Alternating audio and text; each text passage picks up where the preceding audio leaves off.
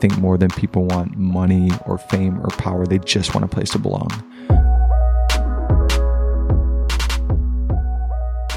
What's up? This is 1111 Podcast. I am Juice, and I am sitting across from Steve Weigel. What's up, man? Let's go, man. It's a long time coming. Dude, glad to be on here. It's been way too long. Yeah, yeah. I feel like you've been around the world I've tried. seven times. I've tried, man. Tried to like see as much as I can. I always say that travel brings you um, people. The best thing about travel is the views are just a bonus, but people and perspective, Okay. and then the views are just a bonus. You've seen a lot of people, perspectives, and a, a decent amount of views. So, question about that. Have you, who, as far as traveling, have you gone on a trip alone? Yeah, actually, like almost all of my trips have kind of been alone. I don't know. That's weird. Like, I guess I probably meet up with people, but like, it seems like whenever I'm on a plane, it's alone. It's a little bit different now. I'm traveling with like um, some business um, associates and stuff. That sounds so weird. Business associates. so proper. Yeah. Oh, I'm not proper. Um, but yeah, I've always seemed to like go alone and then like meet up with people or whatever. But yeah, I've, I've done a fair amount of traveling alone and I, I like traveling alone. It forces you to meet other people and, um, and I'm also really impatient. And so like having to wait on like other somebody people, I'm just schedule. like, yeah, it's so bad. Oh man, I can only imagine. I've definitely traveled with a number of people that are schedule, um, Orientated. yeah, yeah, and a complete opposite where it's like zero schedule. Yeah. it's like, yo, what do you want to do today? Huh? I don't know. Yeah. And that's like that's different. Dude. I'd, I'd always rather be with somebody that has like a schedule. You really get I'm to know someone when you travel with them. That's what I say. It's crazy, I dude. always say that. It's when you travel with them or when you live with them. Yep. That's when you get to I'd rather people. always travel though. Yeah. I live with anybody. let's travel. That's let's it. figure it out. That's it. Um, So let's get into the flow of things. Where Cool. are you from originally? Yeah, I was born in Crown, Minnesota, which no one knows where that is, but then I grew up in like Princeton, Minnesota. Um, I think like when I was a kid, we moved around a couple times just in like the, just like um, um, about an hour north of the cities in that area. So like, um, born in Crown, lived in Foley for a while, but most of my childhood was in Princeton, Minnesota, which is about an hour north from here, maybe like three or 4,000 people, very small town, very small feel. Um, a lot of like dudes with big trucks and loud pipes, that, that whole thing. So yeah. What cities are the, is that near? Uh, Elk River would be the biggest city. So Elk River is like 20 minutes closer to the cities here, to closer to Minneapolis. And that was like the biggest city. And then we'd go shopping in like St. Cloud. It's like there's a mall in St. Cloud. That's where we'd go shopping if we were going to go shopping. Oh man. Yeah, it's crazy. Oh man. Um. So what was? I mean, how many siblings do you have? I have five siblings. So I'm uh, the third out of six. Middle child. Uh, older middle, yes. There's Sam. High five. Are you middle child? Older middle too. Nice. on Dude, now. how many kids are in your family? Six. Six. Exact same. Yeah. Crazy. Look at that. Wait, when were you born? this should be fun. I was born in '95. I was born in 85. I'm like a Yeah. decade older than you. Decade. that's that's almost perfect. That's Ten. crazy. Yeah, it's great. It's great. One of my favorite shoes that I'll never own came out in 1985. well, I, I don't know shoe culture, but I just. I'll show you later, Okay.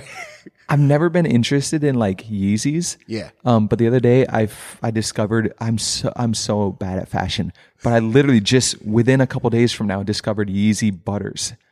Yeah. They're like kind of like cream Yep. color ones, and I was Yep. like, I want these. That's Just so hilarious. weird. I'm so Yeah. not into shoe culture, but No, they're um, comfortable too. You should look into Are they? Oh yeah. Oh, yeah, no, I think I'm. They're like definitely a summer shoe. So They like are. this summer. 100%. are- It's gonna happen. Funny enough, I call those. It's literally a coincidence. I told all of my friends if I were to ever own that specific colorway, Yeah, I'd skateboard in them or longboard. in them. skating them, I swear. skating And it's funny. Yeezys. No lie. Oh dang, dude, that's They're they're they're um wide, like the midsoles. Yeah. very wide. yeah, It's like a triangle. They're like Yeah. the bottom of a triangle. totally. So it's like super sturdy that way. I Right. Don't. I've had shoes. this is a great little rabbit hole. Yeah. I, yep, shoes. I don't know how we did it. Okay, I We- you were just in, we you were just in L.A. recently, and you were like there for like a shoe convention, or was it just It fashion wasn't like overall? a. It was a fashion. Oh, got it, got it. convention. It was Okay. Complex Con. Okay. Yeah. I've heard of that. Yeah, yeah, yeah, yeah. So Yeah, cool. ComplexCon of super sick. Um, you can tell I'm into shooting. Yeah. So, I follow you on Instagram. Yeah, we've both know. Um, so yeah, older middle sibling. Yeah. Yeah. So We unite. Yeah, no, it's great. Um, yeah, my family was super. My dad was a pastor, um, and also a carpenter. If that rings a bell, Jesus. I know. no, he, my dad was literally the best person, man. Like I, I wouldn't be if I'm ever half the person my dad is. I'll just be stoked out of my mind. Like he, most pastors' kids are just little um shits, just because they've been like had something shoved down their throat like their whole life, and then like they get out in the real world and they're like, oh, that's nope, and going the opposite way. My dad, I'm not going to say I'm not like a wild, but I was never like super rebellious. My dad always set like a really, really good standard, but then always let us make mistakes and then was always there when we did and like came crawling. You know what I mean? Like when we totally screwed up, fell on our face, my dad was just like right there. Um, super full of wisdom, super gracious, like just incredible man. So Yeah. yeah. My, and my mom is same. My mom's a fighter. She's just like, you know, she's 66 now and she's younger than I've ever seen her. Um, she's running like a nonprofit organization right now that like raises money uh, to fight sex trafficking. Um, and so like this is like a time in her life where she could like relax. She homeschooled us kids actually. So like she's a worker. She homeschooled six kids. She's just like this wild woman and she could totally just be like, all right, I lived my life. I'm going to relax now and take time for me.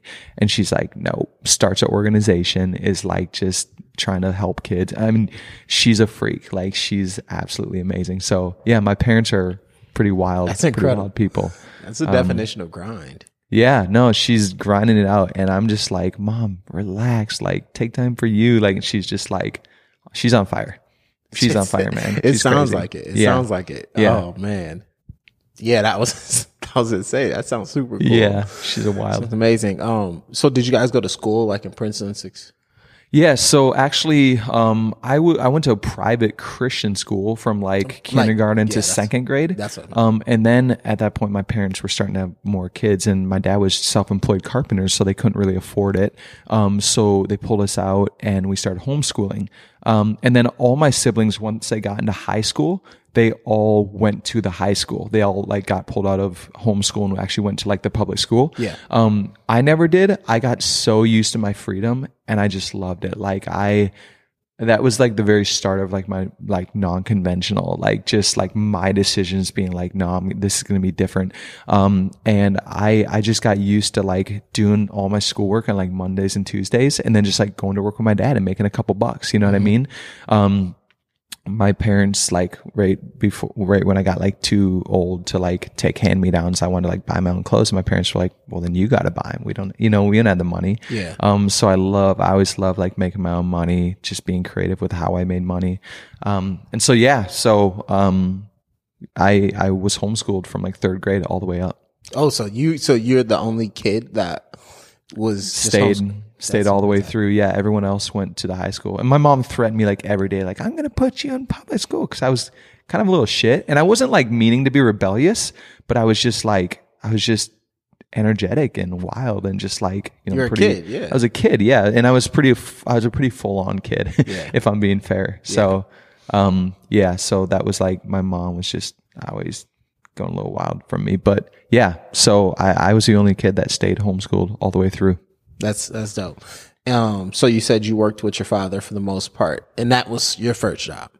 Yeah, actually, my first job was picking rocks out of fields. I don't know. I mean, when you went, okay, up in the Please explain. up in the country, um, like every every like new season, whether it's like in the like in the spring, say they're getting, getting ready to plant crops, um, they till up the ground, and more rocks always just reveal themselves as they till because like just they come to the surface.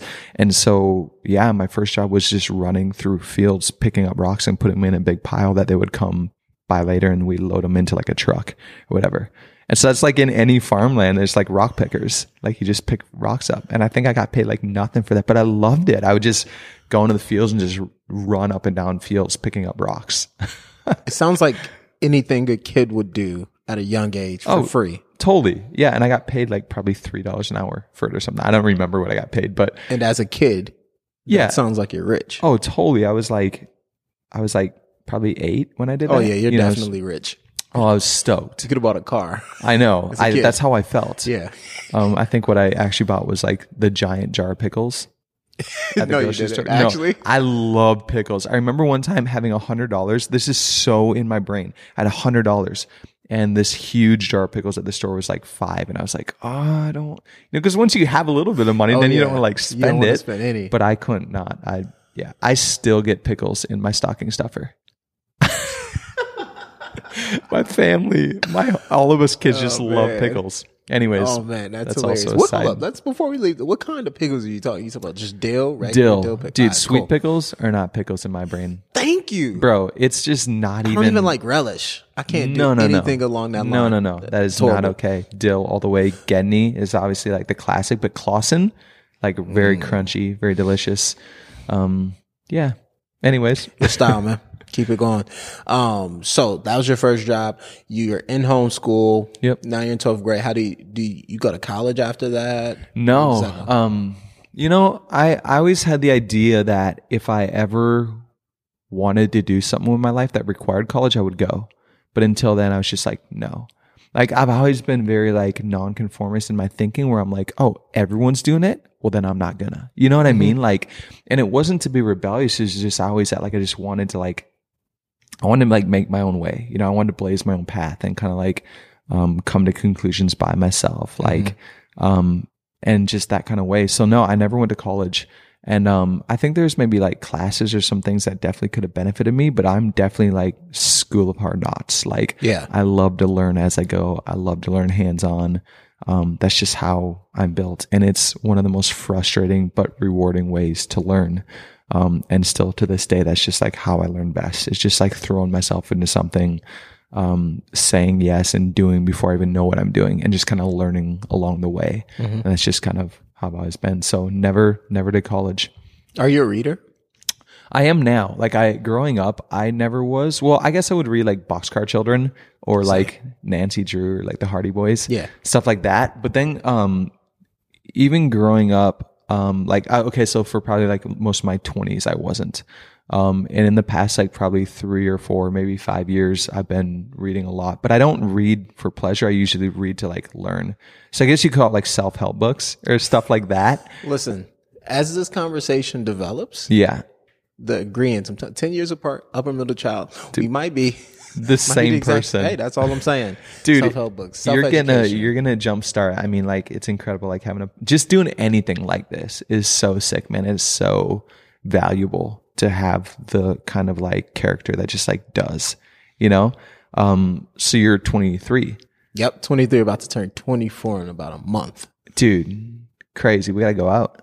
Come on now. Let's do it. Um, I always say I did it backwards. When I was like 20, I bought a house and like was making really good money and all this stuff. And then like, you know, when I was 30, I literally didn't even know how to make money. But it's because I like came more in like, I learned more about what makes me really, really tick. And most of the things that made me really, really tick didn't, didn't make me money. But I, I'm just like a stickler to like my values and my, my core. And I'm just going, man, if this is like true north and just a couple ticks to the left would like make me a boatload of cash, I'd be like, nah, I'll just, I'll just stick with this, you know? And so, um, in a lot of ways, like I had more figured out when I was 20 in some ways than I do now. Um, but yeah, being 23 and just like, from what I can see, you're just crushing it, dude. It's so Trying sick, to crush man. it. Trying I to love crush that. it. Trying to. 24 is the year though. 24 is the it. year of grind. I'm not a Kobe fan, but I know if you follow basketball. Kobe's number 24. he's a he's a workaholic though. Yeah. He he's a grinder. He he has that that grind over just everything. So Yeah, I do know the name Kobe Bryant, but Oh, yeah. I, I don't follow any he's sports. A, he's I a apologize. worker. No, no, no. He's a worker. Like if your mom was in the NBA, she would be Kobe Bryant. She'd be Kobe Bryant. She'd be Kobe Bryant. I can get on board with that reference. It- work ethic is it. just insane. Like That's like- awesome, dude. He just wants to learn the game, learn the game. Yeah. He's always in practice. He Yeah. a bunch of famous quotes. Um, so at 20, you said you bought a house. Mm-hmm. Let's just go from the beginning to the end of that. I'm curious. Yeah. So when I was like 18, I was playing music with this band and, and music was never my end goal. It was just kind of like something I fell into. I wasn't super uh, I just didn't get into like super athletic type stuff. I went more like the music way. It seems like there's two ways, you know, which is which is weird. But um, I went the music way, and so um, when I was 18, the band I was in broke up, and I was just like, you know what, forget this. Like, no one at my age is serious about music. I'm just gonna make money. I guess that's what you do. Like, and so I had a pretty good job uh, working in a machine shop. It made good money, and then I I was just working all the time um, I got the worth ethic from my dad for sure. My dad's a hard worker. Um, and so I just never had a problem with like just getting my elbows dirty. Is that the term? That is a term. Yeah. the elbows dirty. Yeah. Which is such That's- a weird term. That just I hit think me that as means weird like just hands now. deep, maybe. Yeah. So that's how your elbows get dirty. Well, that's very weird. I've I don't know. never thought Yeah. about that as Or weird is the just a elbows second. greasy? It's one of them. Either way, Okay. um, I was just working a ton, and so I was making good money, and um, I bought a house um, when I was like right before my 21st birthday. So I was 20 years old, bought a house, um, and I was gonna flip it, but then the market just kind of crashed, um, and so I remodeled it myself. Um, uh, growing up, my dad's a carpenter. I kind of knew how to do that stuff. So I remodeled it, built a couple bedrooms in the basement. There's a couple bedrooms upstairs. So I rented out all f- the five of the bedrooms and I lived in the six. And so then shortly after that, a band asked me to start touring with them or start playing with them. We weren't touring yet. And I just thought, man, I better give music another shot. Like I wanted to buy houses. I wanted to buy like a, I was actually like approved from the bank to buy a second home. And I, I had this goal to buy like five homes by the time I was 25. Um, and so I was like, just ready to go for that. And this band asked me to play and I was like, dang, if I don't do this, like I might regret it. Like I should at least give this another shot. Um, so I put the second home on, uh, hold and, um, I ended up, um, playing with this band and that ended up being eight years of my life. Um, so the whole time I was in the band, I owned the home and I just rent out. The only way I was ever able to do that is I rented out five of the bedrooms, which paid the mortgage. Um, and I was able to like be out on tour and stuff. So yeah, I would get calls like when I was like across the country being like, the toilet's plugged. What do we do? And Yeah. I'm like, "Uh, what do you want me to do? You know, Yeah. like it was just, yeah, it was pretty wild, but it was a cool time in life. Like I, I really enjoyed that. Um, I sold it, um, the winter of 2014, 2015. Okay. Um, and so yeah, a couple years ago, sold it, and yeah, I've been kind of homeless ever since, which is another story, but it's great. That sounds like that Yeah. sounds crazy. So two questions. Let's see. Before music, Okay. So let's go. Well, let's go with the house for a second. Um, that's actually dope. Also in the real estate. Whoever listens to the podcast kind of knows.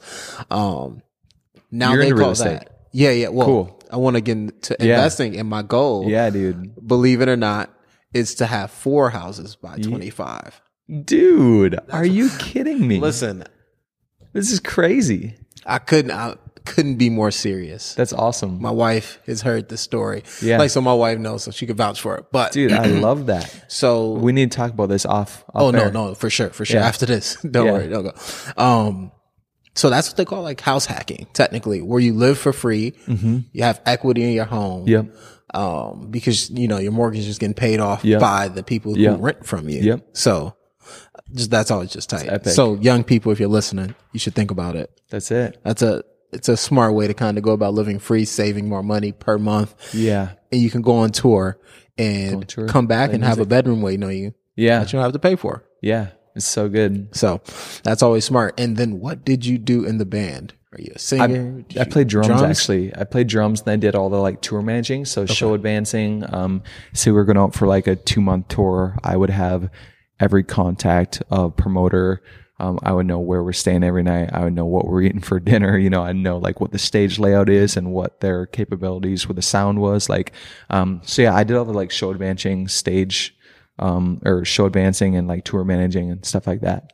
So yeah. And then I played drums. So, and, and I just did that just because like I, I guess like I, I'm not super organized if I don't have to be, but if I have to be, I can be. So I just kind of took on that role.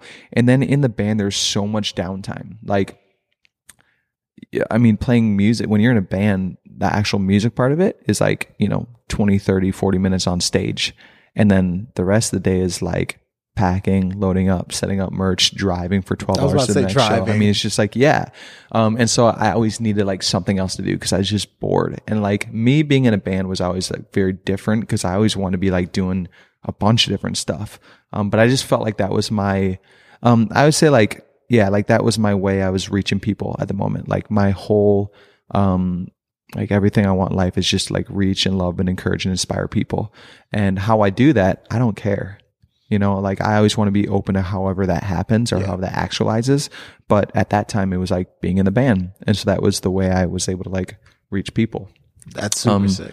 And so it was, yeah, it was a little bit, it was a little bit different for me to be in a band because I, I didn't even like to identify as like a band guy because that, I don't know, most band guys I knew were like kind of like, you know, kind of lazy and kind of like always late and all this stuff. And I'm like 10 minutes early everywhere. Like, and so, yeah, it was just like, it was an interesting thing, me being in a band, but I loved it. And I got to like, wait, I got to travel through it. I got to meet a ton of people. I got to play music, which was fun, but it wasn't like, again, it wasn't like my end goal ever to play music. Um, so it was weird that I was in a band for most of my 20s. you I was know? about to say that's eight years. Yeah, it's a long time. And and there's still sometimes I go like, man, why did I stay in the band that long? Like I wasted so much time. But like I think especially in the last year I learned a lot about like why. Like there were things that came up that I was doing. I was like, whoa, I learned this through that time of my life. You know what I mean?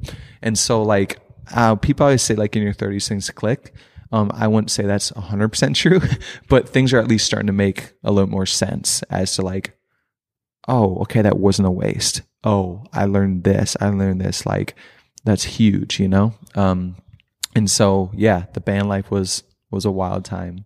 Um, and now I would never do that. But if like a friend or something, um, wanted to like go on tour for like a month and just needed like a fill-in drummer, I would do that in a second. Okay. It'd yeah. be so That fun. sounds- yeah, it'd be just a that. blast. You'd just be like hanging out playing music. Yeah. I want to play in a hip hop band. Yeah. Um, I think like hip hop drums would be so fun Yeah. you just sit back and like lay down a beat. You know, Yeah. it's so fun. Yeah. Um. So yeah, so I I would like to do that, but I never want to be like the guy that's re- responsible for like the success or the demise of the band. You know what I mean? Yeah. So yeah, music. Sick. That's sick. So you're good at drums. See, that's the thing. Like, I, I was never even like the most amazing drummer. I was very good at complimenting whatever music was being played. So if I just sat down and had to like rip something, it would be massively unimpressive. Unimpressive. um, but if I can just like sit down, I was, I was always very good at complimenting whatever music I was playing to. Yeah. Um, and yeah, yeah, Sick. Sick. Eight years. eight years. That's a, that's a lot of practice. That's It was a lot of drums. So eight years after that, what do you what do you do after? Because that's eight years. So Yeah. now you're what 28, 29. I'm 29. Yeah, going on 30. Um, and I was getting out of the band, and I wasn't sure what I was going to do. Like, I still had this job at the machine shop that I would do when I, were, I was home. Because even though we were full time, we played like there's a couple years we played 200 shows a year, which means we're gone 300 days of the year.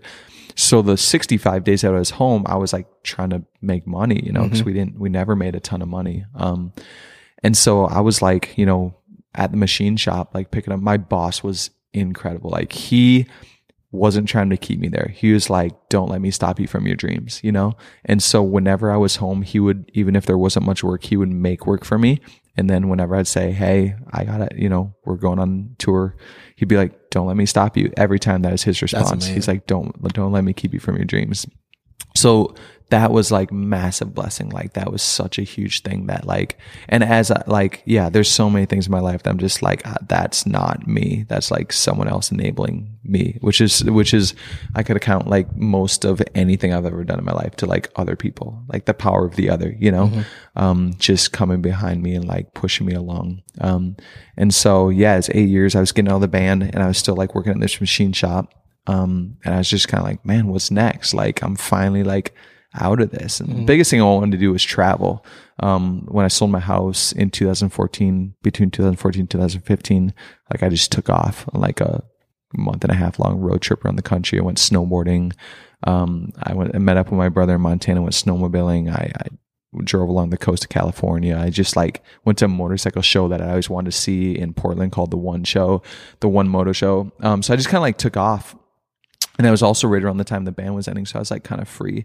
So in 2014, as the band was ending, I built a board, a longboard, um, and I gave it to a friend. Um, I grew up skating, just loved doing it. I always wanted to like build one, but didn't have the time or I was on tour or whatever. It just wasn't a priority. Um, so as the band was ending, I built one and just gave it to a friend and people just started ordering them.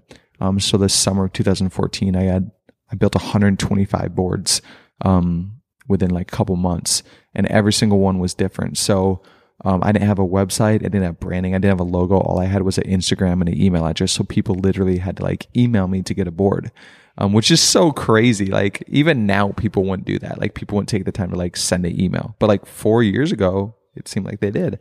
Um, yeah. So I built 125 boards, all completely unique. Um, it was crazy. Um, and so the that winter I took off and like did the big trip around the country, and I was just like, I kind of just like put Ivy longboards on the side. I was like, I'm not gonna, I'm not gonna like sit around in the winter. I'm gonna take off. I'm gonna get out of here. I hate cold weather. Yeah, me too. dude, which is crazy because I live here. But um, yeah, so I just like took off. I I did that trip around the around the country. I went sailing in the Caribbean for a while. I went to Hawaii for a while. I was just like gone. You know, I was just finally free. Yeah. Um, the whole time I was in the band, I think I did one out of country trip. It was to Italy, and it was eight days. And I had a show the day I left, and I had a show the day I got back. You know what I mean? So like, there just was never a lot of time where I could like take off and like go travel. All the travel I did was in a van with four other dudes. You know? Yeah. Yeah. Um, so yeah, that winter I traveled a bunch. Um, and then when I came back in 2015 and it warmed up, people just started ordering boards again. Um, and I was like, what the heck? And I only built for a couple months then because I ended up moving to Thailand, um, for a while, volunteering with the organization. So yeah, that was the band life with a bit of transition there into Ivy life. Which is sick. This is okay. As the story develops, and I always like to tell the listeners, I have no clue what the story is. Like, so I'm hearing this firsthand. So the shock Right. is real shock. Um, so it's 2019. This was 2014, right? yep. 2013, 14. It's five years. Yep. This sounds crazy. So the last five years, you're, this is just all new things, just, just new things, new, new experiences, new things. Um, so I want to take it back to that day one of like the person that asked you to build the longboard. Mm. Let's go back to that. So they just ask you, you kind of put it off and you finally get it done. And wh- like, what's the feeling of just completing this form? You're like, is it just kind of nonchalant because you're used to building things or? Yeah. Um, so for for listeners, I guess context is I own a longboard uh, company called Ivy Longboards, and as we're talking now, it started in 2014 when I just built a board for a friend. So I grew up working with wood, working with my hands, building things. My dad was a carpenter, and I loved I loved it. I always loved building stuff. Um, just last week I built a coffee table and it wasn't cause like anyone ordered one. It's just cause like I love building. I love creating beautiful things with my hands. It's so satisfying for me. Um, and it comes really naturally for me. So it's just something I can kind of do. So I built a longboard because I'd always want to build a longboard. Um, I grew up right when like longboarding got cool in the Midwest. I was like 14 or 15 and me and my buddy bought some and just like, you know, wore the wheels off them. You know, we loved it. Thought skating was co- so cool. And I was not like a skateboarder growing up. Um, I couldn't keep the stupid board under my feet. I actually like rollerbladed. which is so uncool. I shouldn't say that out loud. But yeah, so I rollerbladed, um, but I loved longboarding. I thought longboarding was really cool. Um, and it was a way that I could just cruise without having to like do tricks like skateboards. So um, I built a board and I just gave it to a friend. It was just like, oh, that was fun. It was awful. The board was crap. I didn't even use the right kind of wood. I had no idea what I was doing, but it was cool. Like it was a board you could ride it, you know? Um, and so I gave it to a friend and he loved it. And I posted a picture online and I just started getting emails being like, dude, you should build me a board. And I was like, what? Okay. You know, and within a week I had 20 emails, 20 orders, people who were like cash in hand, ready to pay me to build them a board. And I was like, okay, I guess this is a thing, you know? Yeah. Um, and so f- I didn't even name the company for like the first month or month and a half because I just thought that was like a fluke. Like people just, you know, a couple people are going to be like, oh, that's cool and order board. But I just started getting more emails and I started getting emails from people I didn't know that's like, hey, so and so recommended me. And then, you know, I had my Instagram going. I just started getting this kid named Christopher Poindexter. He's like a huge writer poet. Um, he found me like in the first couple months of the brand and just start, he had like 300,000 followers and just started shouting me out just for nothing. Like didn't ask for anything in return. He's still a friend. I still talk to him every week, you know, like every week we have some conversation. Um, he started shouting me out and just being like, what this guy's doing is dope. Um, and the band was a Christian band and I hated that. Um, I didn't like the idea that we were just saying this one small message to a very small group of people. Um, rather than like going into a church and be like, say, you know, we could say like the perfect Bible verse. We could say like the perfect prayer. We could say like the perfect little like motivator. And these kids would just be like, I've heard it. Like I've heard it from my parents. I've heard it from my youth pastor. I've heard it from everyone. I would have rather just gone into a bar and being like, we love you guys. Let's hang out afterwards. You know? Um, that's just always my heart was to reach that group of people that like didn't need, they just needed, they just needed good people around them. Like that's, that's it, you know? Um, and so in Ivy, I was just like, Ivy is not a Christian company. It will never be a Christian company. Um, and I'm a Christian. I love Jesus a lot, but like my company, I want it to be safe for every people group, not just one small people group. Um, and so I was very like intentional about making it not a Christian company. And so I got all these people who believed so differently, me, differently than me. And it was so good. Like even just me being able, like, I never want to surround myself with people who just like are yes people. I don't surround myself with people who are just like, no, dude, you need to get a bigger perspective. You need to challenge your ideas, your thoughts and all that. Um, and so, yeah, so through Christopher and just like kind of the, the crowd I was reaching on Instagram was just like not a Christian crowd, which is so great. I love that. And so I got to build relationships with a bunch of really special, really incredible people um, that were very different than me and thought very differently than me, which is what I wanted. You know, growing up in the church, dad being a pastor, being in a Christian band, I was just kind of like, yeah, like how much perspective do I really have on the world and beliefs and things like that? Um, so that's one thing Ivy brought me. Um, one of the big messages of Ivy is you belong. And um, that's not just some stupid marketing like tactic I brought up. Like growing up, even in my closest group of friends, I always felt like they were part of something that I wasn't. They I always felt like I was just a bit on the outside. And I still feel that way. Um, it's just I don't know what it is, what it is in me. Um, but that's not like that's actually my story. The "you belong" message of Ivy is actually like my story. Um, I think more than people want money or fame or power, they just want a place to belong. Um, and that's so easy. Like we can do that for people. We can create this like safe space for people come into and just feel like a part of something. And so that's just like everything I, I ever want to do through the brand is shape a culture of belonging, build community, love and encourage and inspire people um, through Ivy. Um, so yeah, so Ivy is a longboard company, and just this year we launched Ivy Adventures.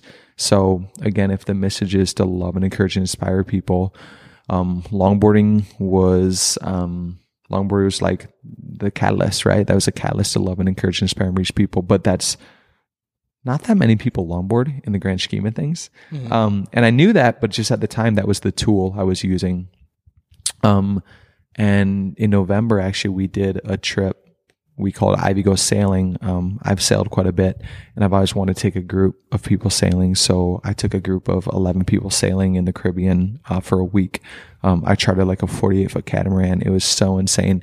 And the relationships and the life and the just like energy and love and just like everything that came out of that trip was, was stupid. It was just like everything I, I've ever wanted, you know?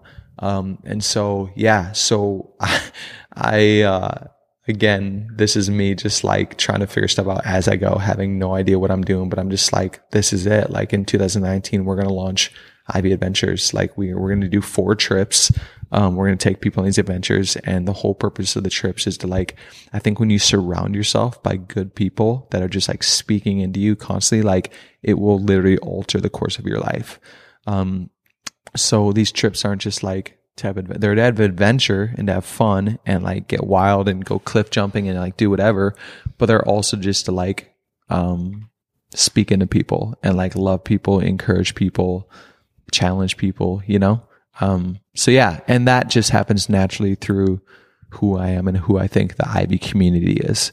Um the ivy community is not me. Like what makes the ivy community great is like not me at all. It's like the people who have come around.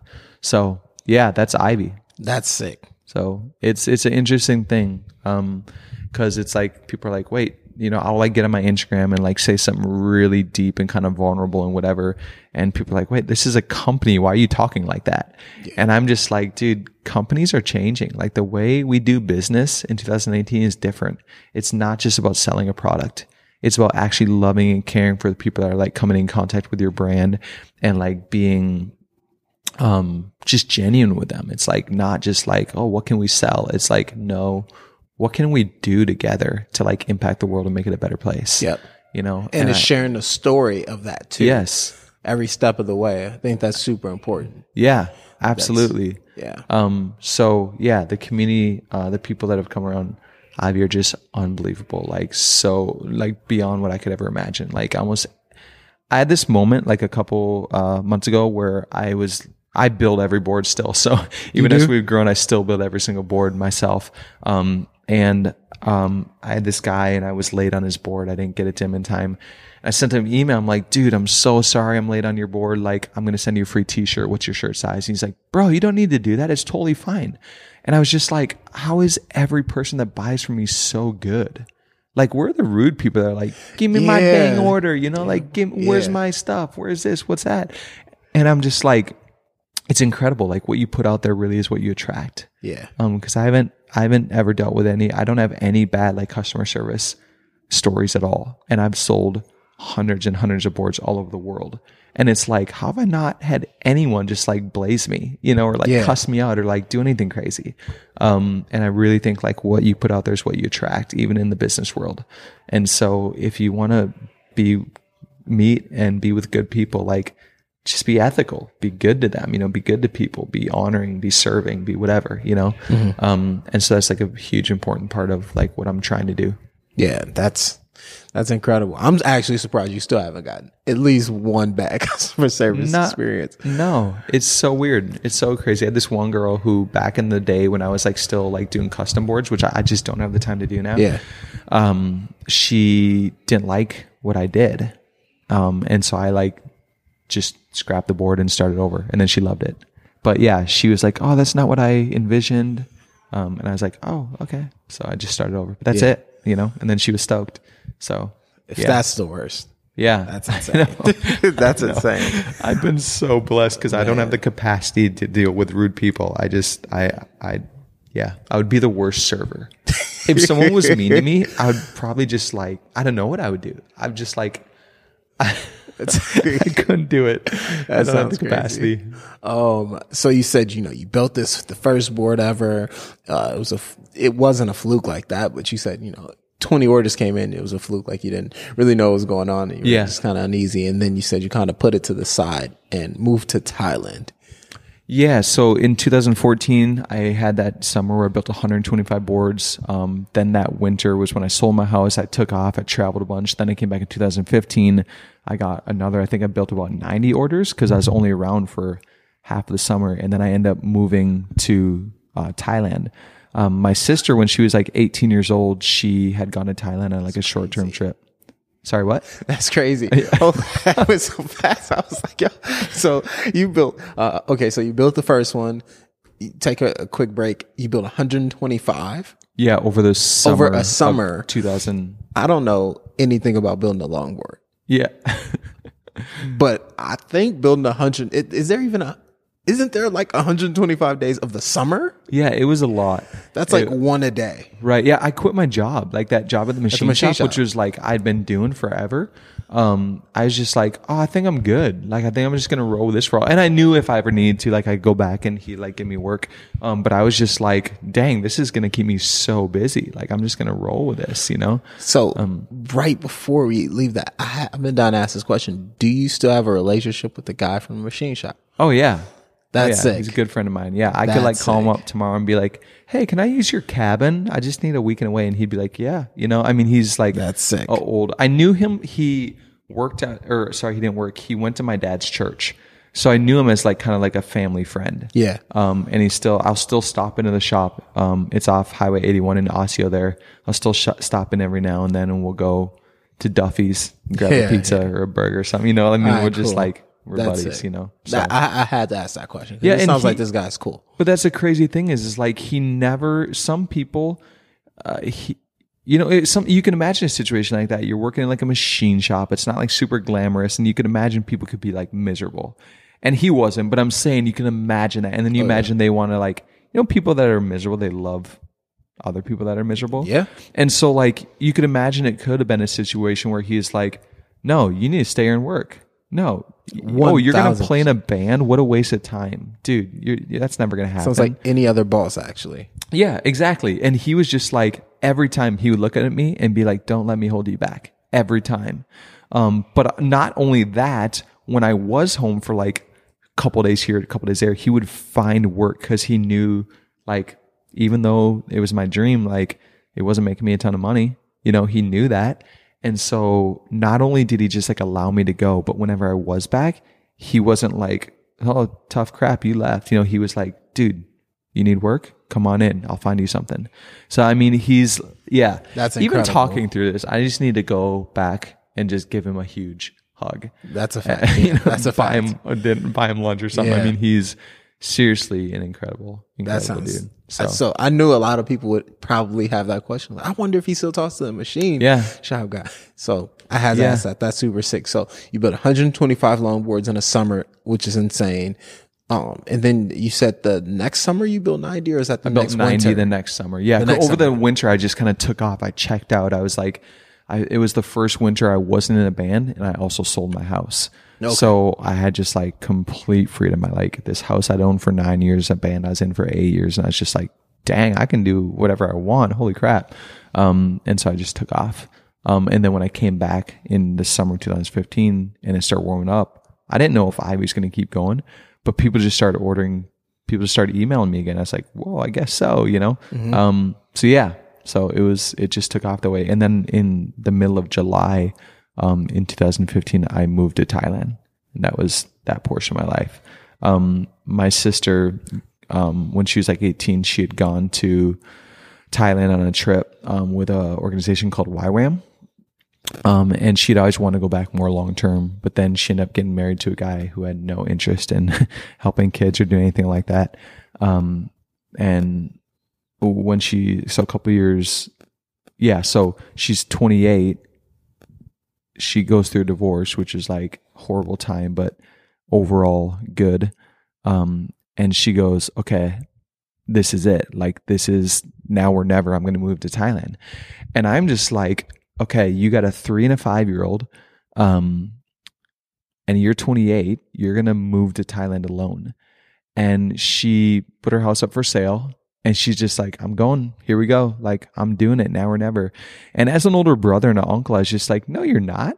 Like, you're not doing that. That's crazy. You know, like, and she found this organization where she was going to go and like be the business manager and um she was just like all in like just like no questions all in and so i was in this place where i just got out of a band i was in forever and i had uh sold my house but i had ivy um and even ivy i was like you know what like this will be around when i get back. Like i'm sure this will still be around when i get back. I'm i'm sure i could still like go do this trip with my sister um and you know if ivy's not around when i get back then like whatever. Like i wanted to like be a part of this story um with my sister. I just knew that like her going there was such a huge like step and a big step of faith that i could like i could be a part of that you know and i really want to be a part of that. So yeah so i uh built uh, like 90 boards over the course of 2015 and then in july we moved to thailand together me her and then her five year old son and her three year old daughter um, and so that was the Thailand portion. And she was going to be volunteering for an organization called Destiny Rescue, um, who um, like rescued kids out of sex trafficking. Um, and I was basically just going to be the manny. Like I was just going to like take care of the kids, like love and support the kids and like be with them while Sarah was off crushing it. And I thought, I thought that was important. Like I wanted her to like be able to go over there and feel like, yep, I was supported. You know, I didn't have to like sit here and always be like worried about my kids. Um, I could just like do my thing and really do what I came here to do.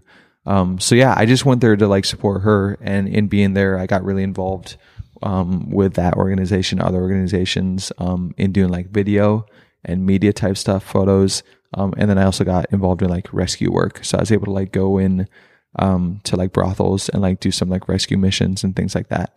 So that was yeah that and I lived there for nine months. And then when I came home was actually when I like launched Ivy as more of like a brand. Like I actually like made a logo and like built a website and actually launched it as more of like a brand than just like something I did on my garage. Um, yeah. So through, I'm curious. So just through, you said you went out there, of course, just to help her, but through that, you said, uh, you basically went out there to be a babysitter. Yeah. And I told you I have a son. So I'm curious, did that teach you anything about Oh my- Because that's different. Gosh, dude, I was basically like a dad or like a husband without, yeah, without actually being that. Like Yeah. she, like my sister, you know, um, and I mean, I am, you know, 33 now and single and I, I mean, I, I'm like spoiled, you know, like I don't even, I, I would, lo- I would, I think I would like to have kids and I think I'd probably like to be married, but like I don't really answer to anyone. And I'm not like saying that in a bragging way. I'm Yeah. saying that just like it's like culture shock or something. Yeah. You know, like all of a sudden, like um, even the way the kids would be um, would act up, and I'd be like, okay, I'm gonna take your whatever away, and then Sarah would come home from work and be like, oh no, you can have that, and I'd be like. Woman, you know what I mean? I'd be like, dang Yeah. it, you know. And it was just like, yeah. And I, you know, I haven't had to like you know, be a dad. And so like, you know, the kids even just like would stress me out, you know, and by the end of it, I was like, you know, I could deal with it, but like, yeah, I literally just jumped into it. Yeah. I just, I went from just being this whatever to being like, um, and not only that, but over in another country where like, which is just challenging enough trying to get your like bearings. Everything there is difficult. Like in the US, like everything is so efficient, everything is so clean. You go into a grocery store, you know exactly where the peanut butter is. You know, in like Thailand, you go, the peanut butter is like over in the diaper aisle or something. Not literally, but you know what I mean? Like Yeah. just nothing makes sense. You know, Yeah. everything is like backwards, it feels like. And so nothing's easy, nothing makes sense. And it was just like, yeah, it was a lot. So yeah, most days, um, I would pile the kids on my dirt bike. Ari, the three year old girl, would sit right in front of me and hang onto the handlebars. And Justice, five year old boy, would sit behind me, um, and hang on to me. you know, when we'd cruise around and we'd go hiking and we'd go see elephants and we'd go, um, to the river and play. Um, yeah, it was cool. And then on the weekends, I would like to work for like organizations. Um, there's so many organizations around the world doing amazing, amazing, amazing things, and no one knows about them because nonprofits don't know how to do media. They don't know how to Yeah, market themselves. the. A lot of them really don't. They're so a lot of them are so tight though. Like it's Yeah. like it, it, that's I feel like it's always worth it though when you find organizations like that because like it's more of chance. Like Mm-hmm. Yeah. it's a reason why I found you. Totally. So that's always kind of tight just as far as the story goes. But yeah. that well, I wonder why that is. Yeah. Maybe because they don't focus on it. They, they don't care to market. Maybe? Yeah, they got great hearts. Yeah. like they all got really great hearts, but that doesn't mean they know how to like market or do media. And, you know, a lot Yeah. of people don't. And so, especially for like a nonprofit, having a marketing budget, you know, a smaller nonprofit having a marketing budget is kind of out of the question. Like it's like we can't afford this, and it's like no, you actually can't afford to not have that. But they just don't know, you know. Mm-hmm. Yeah. So I found um, some organizations who just like needed videos, and I would just make videos for them, um, just kind of like telling their story and what they're doing, and they'd be able to put that out to like their people back home that would like then, you know, support them. Um, so yeah, so I ended up doing that. I ended up doing some rescue work um, in in like brothels and stuff, and yeah, so Thailand was a trip, man. That sounds Thailand sick. was epic. While I was over there, um, a guy from back here actually, who I just met a couple months before I left, reached out to me and was like, "Dude, what you're doing with the Ivy is insane. I want to be a part of it. What's your plan while you're living in Thailand?" I was like, "I don't really have a plan. You know, I'm just like seating my pants. I'm probably going to build a website. I'm gonna, probably going to come back and launch a couple shirts and a couple like signature boards." He's like, "Well, dude, what if I came on board?" And I was like, okay, that could work, you know? Um, so yeah, that's my business partner, Corey Bracken, who's still, still my, you know, he's my business partner with Ivy. We've been rolling ever since. Um, so while I was living in Thailand, learning to be a dad, babysitting two kids, working in brothels, filming videos for organizations, I was building Ivy, um, back home. Uh, me and Corey were figuring out signature boards and ordering t-shirts and getting logos and like all the like digital collateral we needed to like launch a brand. Um, and then when I came back in April 2016 is when we launched. So yeah, That's- Thailand was a wild, wild time. And I, I go back every year. um, if I can. So I'll go back and like work with some of the organizations that I met while I was out there. That's sick. So you you have this crazy experience. You come back. You build the brand. What's day one of um, focusing on that brand? I would say day one to getting back to the United States, like, but I feel like it's always just a huge culture shock when you're like out of country and coming back. Dude, coming back is so much bigger than going. Because going, you know it's going to be different. And so you just go, oh, I'll prepare myself for this. Yeah. Coming back, you're like, I've lived there my whole life. It shouldn't be weird. But it, it was like massive Oh yeah, culture shock coming back. Yeah. I I could uh, only imagine. So you get back. So day one, of course, is like uneasy, but let's try to focus on like what's day one of like. Okay, we're about to launch this brand. What's what's the first thing on your mind Yeah. besides, of course, building a brand? Like, what do you attack first? Dude, I, I it's such a blur, but I remember coming back and me and Corey didn't really know each other that well. Like we met like a couple months before I left for Thailand and hung out maybe like a handful of times. And then he just reached out to me while I was in Thailand. and was like, I want to do what you're doing. I want to be a part of it. Mm-hmm. So I'm like, whoa, that's sweet, you know? Um, and he was hard worker, you know, smart, like fun, great dude. Um, he's a, he's a skateboarder. Um, and so I was like, sweet, let's do it. So when I came back, we didn't actually know each other that well. And I remember we met at the Bachelor Farmer and we're just sitting down, like looking over like some of the website stuff, some of the like things we're doing. And I get back in April and we had like, we ended up doing like five boards and like maybe six or seven t-shirts when we launched. Like we ended up like building out pretty significant with hats and like a tote bag and like all this stuff. And I get back and we're like, oh, there's still snow on the ground and we got to shoot this stuff. So we like jumped in the car and drove to Nashville and did a photo shoot in Nashville because there wasn't snow on the ground. So like, yeah. So the first like we from the time I got back at the end of March to like when we launched the end of April, when we just had a month of just like going, what the heck are we even doing? How do we do this? We I never done anything like this. Corey never done anything like that. Um, so we were just trying to like I think like I had so much language around the brand and like a huge part of any anything in life is communication, right? So like whether it's with your wife or with your son, like communication is one of the hardest aspects of of life all across the board. Yeah. And the same is true for business. So communicating what's in your heart to your audience is like so crucial and you can never over communicate. Like I could say one thing eight different ways and and I might grab someone else's attention because they're like, oh, I, I relate to that. I like can get on board with that. So yeah, a lot of it was just like writing copy, figuring out communication. Um, I had never done anything like this before, but like something huge that the band taught me was how to be annoyingly persistent and how to sell something people weren't buying. Like people don't buy music, you know? Um, so that was like two huge lessons that I know I learned a lot from the band. Um, and so, yeah, he just, I just got back from Thailand. We just started going buck wild on trying to like figure out how to like communicate this brand, figure out the heart, the mission, the vision of it, even though I didn't even know that language. You know what I mean? I just knew that like, um, I had to put what was like in my heart into the brand.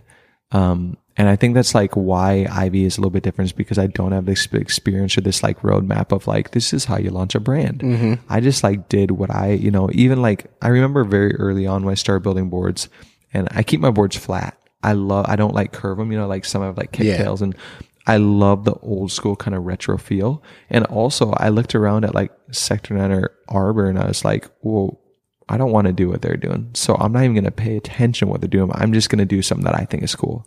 Um, and I think that's like important. Like I think that a lot of times when we do something, we look around at what other people are doing to like kind of get information. And that's not wrong. Like I think that's great to like see what other people are doing.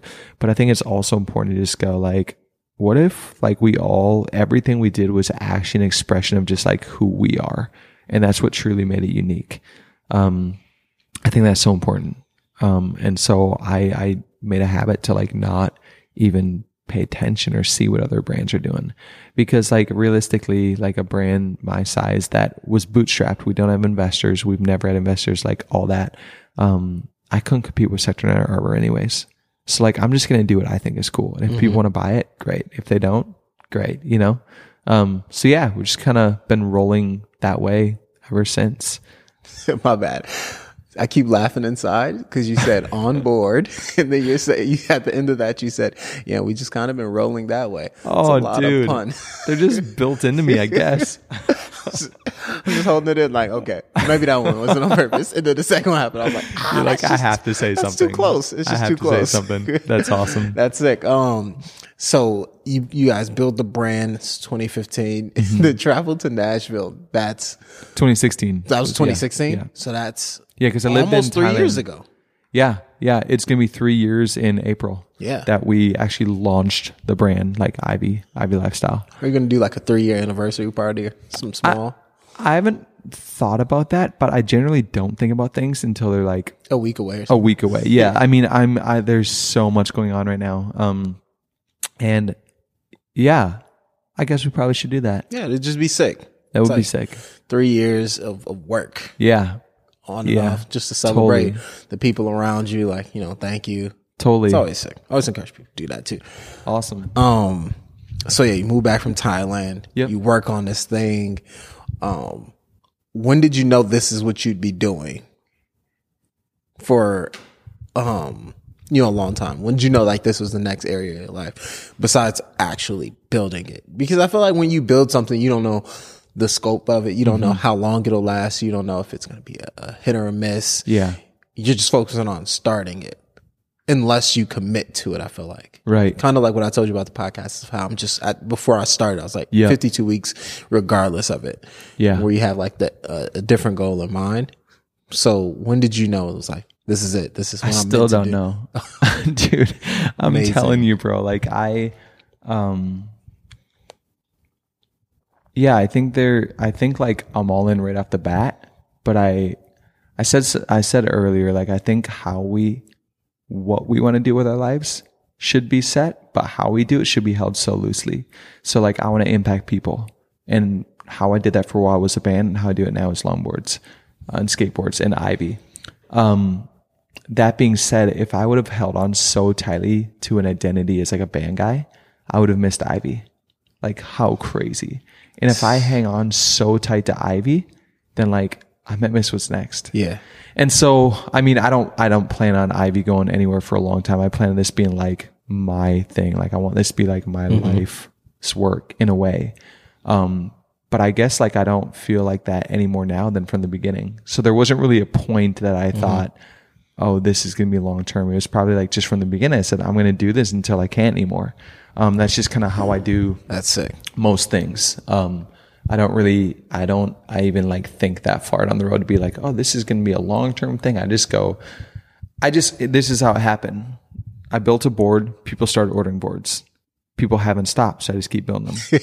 That's it's literally as simple as that. You know what I That's, a, mean? that's a decent equation. yeah, That's so man. it's kind of where I'm at. Um, so I have a breakdown. Oh, before I even get to that, Honest Media. Mm, Honest media. Let's talk about it. Yeah, Almost slipped my mind. yeah. Um, so, so tell me about it. Yeah, so Honest Media is a marketing. It's a globally focused marketing creative creative agency. Um, we really want to focus on brands that are revolutionary. Um, we think that there's a revolution for every industry. So the way that Netflix revolutionized the like media industry and like Blockbuster and all that, the way that Uber revolutionized the transportation industry, um, we think that there's a revolution that size for every industry. And we think that the revolution for marketing media is honesty. Like I think in the past, like marketing media is like, how can we sell something as really great that's actually kind of mediocre?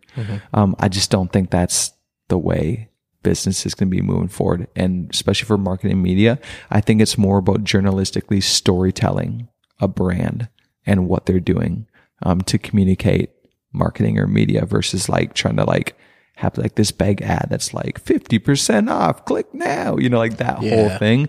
I just think that millennials and especially gen z's their bs detector is just so off the charts. Like Oh, yeah. they just aren't buying that stuff. Um, and so i think that there's like a new way for marketing and media and i think that the revolution is honesty. Um, so we started this brand and, and we don't own that as a term that's like we are honest media. We are, you know, that's like what we aspire to be. That's like who we want to be. Um, and so, yeah, it's a marketing, uh, it's a more of like a media creative agency. Um, and it started with two guys that I actually just met like just a little bit over a year ago.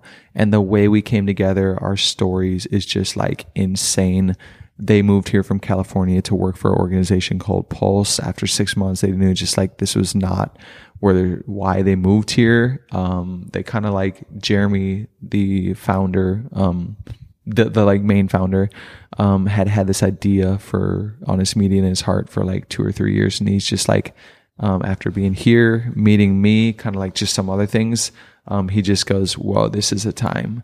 This is like the time to really start this thing. Um, and so we just started and we just started last year, January 11th. What's the date today? Dude, today's like January 11th to 12th. It's, I don't even, oh, where's my Today's the 12th. 12th? Yesterday. We didn't even celebrate. Um, see, and that's and that's why I told you that. That's why I mentioned the three year thing.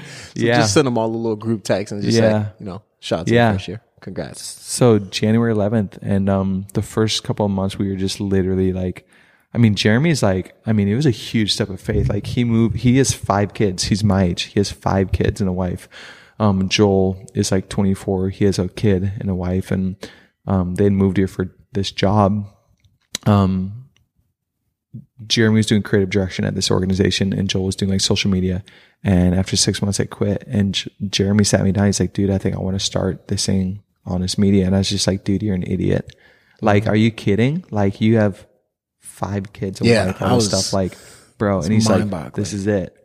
And I always believe that sacrifice and connection go hand in hand. So the mm-hmm. amount of sacrifice you're willing to experience for a person, a wife, your kid, your business, that's directly connected to the amount of connection you'll feel to that person or thing. So like if you sacrifice a lot for a person, you're going to feel very deeply connected to that person.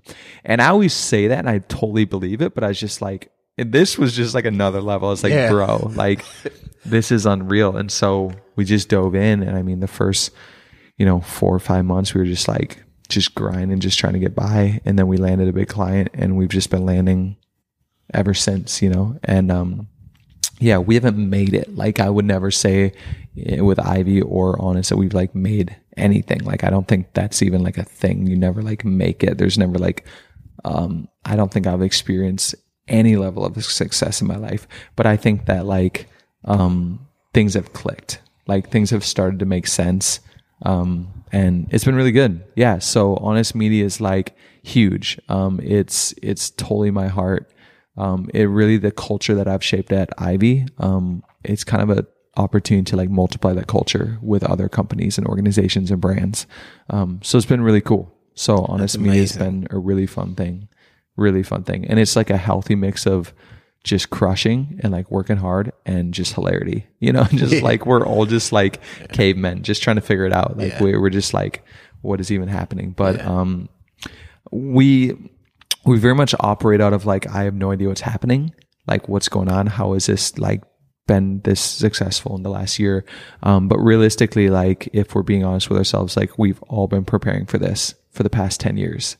You know what I mean? Like, I think, I think like there's coincidence can only be take account for so much. Um, I think that like, even though we are just like, wow, this is like a lot of blessing, a lot of favor, a lot of everything. Um, I, we all have been trying to take ownership and just go like, no, like we, we were preparing for this moment over the last decade. Um, and it's here now. Now it's time to go. So let's do it. Hell yeah. So, yeah. Oh yeah, that's incredible. It's incredible. That does put a nice, a nice idea of what it is. That is the idea. That's pretty sick. Mm-hmm. I was always curious about that. I was looking at it the last, you know, like week. Yeah. Or so just to see what it, what it was about. Yeah. That's incredible. That's Yeah. incredible. Um, so, um, I have this like ending breakdown of the podcast. Cool. Shoot you two questions. Okay. I'll repeat both. Um, the first question is What do you think sets apart successful people from people who give up or never get started? I'll say it one more time for you. What do you think sets apart successful people from people who give up or never get started? And that can be in, you know, starting businesses, it can be in travel, be in any lane you um, kind of want to take it to. Yeah. Um, I don't know. I think like just being a doer is one of the things that sets apart because I've I'm not like a smart person. Like I'm not like this massively brilliant person. Like I was homeschooled. I didn't go to college. Um, I when I was like a musician, my girlfriend, I was dating a girl who was like a musician, and she was like, I was a little bit jealous that we were like experiencing a level of success of some sort. Um, we were touring and all this. And I was like, Tori, you're like 20 times more talented than I am as a musician, but we're, I'm just doing it. Like I'm just starting. And so it just like, I was just, just say yes, like just start like wherever you're at. I think that's what sets it apart because you, you gotta, yeah, there's a lot of ways I could answer that question. Like what sets you apart in the way of like what actual like characteristics or whatever. I would just say what would, I could easily be someone who hasn't done some of these things. Um, because it's not that I'm like this brilliant or um, like on a different level that I've just started and I've figured a lot out along the way. Yeah. And so I would say just say yes, just start somewhere wherever you're at. Um, and work hard. Like, man, like I am at honest every day from like eight to five. Um, and then it's like I go back to Ivy, um, and I build boards till midnight or one or wherever I, whenever I need to. You know what I mean? And so, um, I don't aspire to be busy all the time. That's not my goal. But right now I know that's what's in front of me. And so I'm just trying to steward it well. Um, and so I don't say all that to be like, I'm so busy. I'm not like trying to be like whatever. I always have time, but, um, it takes just such a level of like hard work and like, yeah, I, I'm still trying to figure all that out too. Like people always say that like when you're starting a business, it takes such a level of like hard work and concentration and all this stuff, which I agree with. But like I think people also use it as an excuse to like not put energy towards the things that really matter, like a family or this or that. So like I'm I'm I'm in a place where like I don't have those things, and so I can just put a lot of my energy towards um like all my energy towards like work. Whereas if I was married or had a kid, I don't know how it would do it, you know? And so like you're on another level than me. You're like on a way another level because It's you're grinding. than you think. It's it's it's it's, it's, easy, it's easier than most people think. It's You're gonna take marriage counseling Yeah. from you. How long have you been married? uh, three years. Okay. three cool. years. Um, it's easier than you think because you have a person to help you with that now Yeah. too. It's like you know, it's this is help carrying it. It's and you get like you know somebody to motivate you every day. Totally. You get just like a pep talker. And Yeah. you get a bunch of things. But what I'm hearing is like determination, Determination. kind of determination and starting and doing kind of sets apart. Yeah. people, um, successful people from people who never get started. Yeah. But you know, just in your story that you said is that the the determination to work, you know, eight to five, and then get off and then go straight to Ivy and, and billboards and be busy, but then be free enough to say, you know, I'm not busy enough to do the things I love. So, Right. you know, I, I will go do this and I will go do that. Yeah. But you're determined to go do those things. You're not letting Yes. kind of tie you. So that's kind Yeah. of what I could read out of that. And the final question. Oh, I always like this one. What is some practical advice you can give people who struggle with achieving their goals? Hmm. So, what is some practical advice you can give people who struggle with achieving their goals? Yeah, I would probably say find mentor people, not in the way that like they sit down and mentor all the time, but even just like someone who's kind of like gone the direction or the path that you've gone and just like see what's different about them, see what their characteristics are, see what their character is, see what their worth ethic is, you know, like um if you don't have like something to model your life after, like you just kind of like lost, you know, I know I felt that way a lot of my life because I didn't really know what I wanted to do. I was just kind of like, and it wasn't that I didn't have dreams. Like I remember growing up, my brother wanted to be a pilot. My sister wanted to like go into business. My brother wanted to join the military and I just want to be happy. And so like, I was just like, man, if I can just be happy, like that is success. Um, and so like, it wasn't that I didn't ever have like anything I wanted to do, but I didn't have this one thing that I could like look to someone else and like kind of model my life after theirs. Um, but I would say just find someone who's kind of like um, living their life in a way that's similar to how you want to live and talk to them if you can reach out to them and just be like and ask questions like i the only reason i've um, done anything in my life is because i've had people who have like sown into me and like answered my questions and like um, given me their time and their energy. And so I, I would just say like don't be afraid to like don't do don't go it alone you know? Like we're not meant to do life alone. Um find some mentor. Just like ivy like i have mentor brands. I have brands that like i kind of go like oh, i would love to be a brand like that. And then I just kind of like see what they do and not to copy them, but to just go. And none of them are longboard companies. You know, I'm not trying to like copy. I'm trying to go. Um, how do they communicate? How do they speak? How do they treat their audience? How do they do this? How do they do that? Um, so I would just say say find someone or multiple people in your life that you can kind of like look to as a model for like what you want your life to look like. Um, read a lot of books, even though I know that's like just so not easy, but like self help books. Like I, I'll just like admit right now, like I'm all about self help. If that's like Brene Brown, Listen, my, Dude. my- I have a library like no other upstairs. dude, do you read Brene Brown? No, but put me on. What's Um, Brene Brown has a TED Talks on vulnerability. Um, and she has a book called The Gifts of Imperfection. Uh, she has a book called Daring Greatly. Um, she has a few other books, but she's just this chick that's just like, um, she, she says that the most vulnerable people in the world are the happiest. Um, she said that the people who are really just like getting the most out of life, the only difference between them and other people is that they're just like vulnerable and she talks about how like it literally takes um, a level of vulnerability to even like feel joy because like if you feel joy then what's the next thought it's like oh something could go wrong you know it's vulnerable to even feel joy um anyways that's a side note but I'm brene brown out, yeah. she's or maybe it's breen i oh, think it's I'll find it. I got the TED talk, and then you said daring greatly. Daring Greatly, yeah Okay. Um, anyways, find uh, people around you who can speak into your life.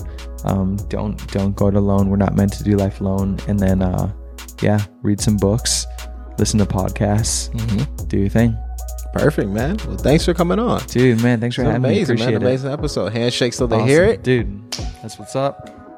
Peace.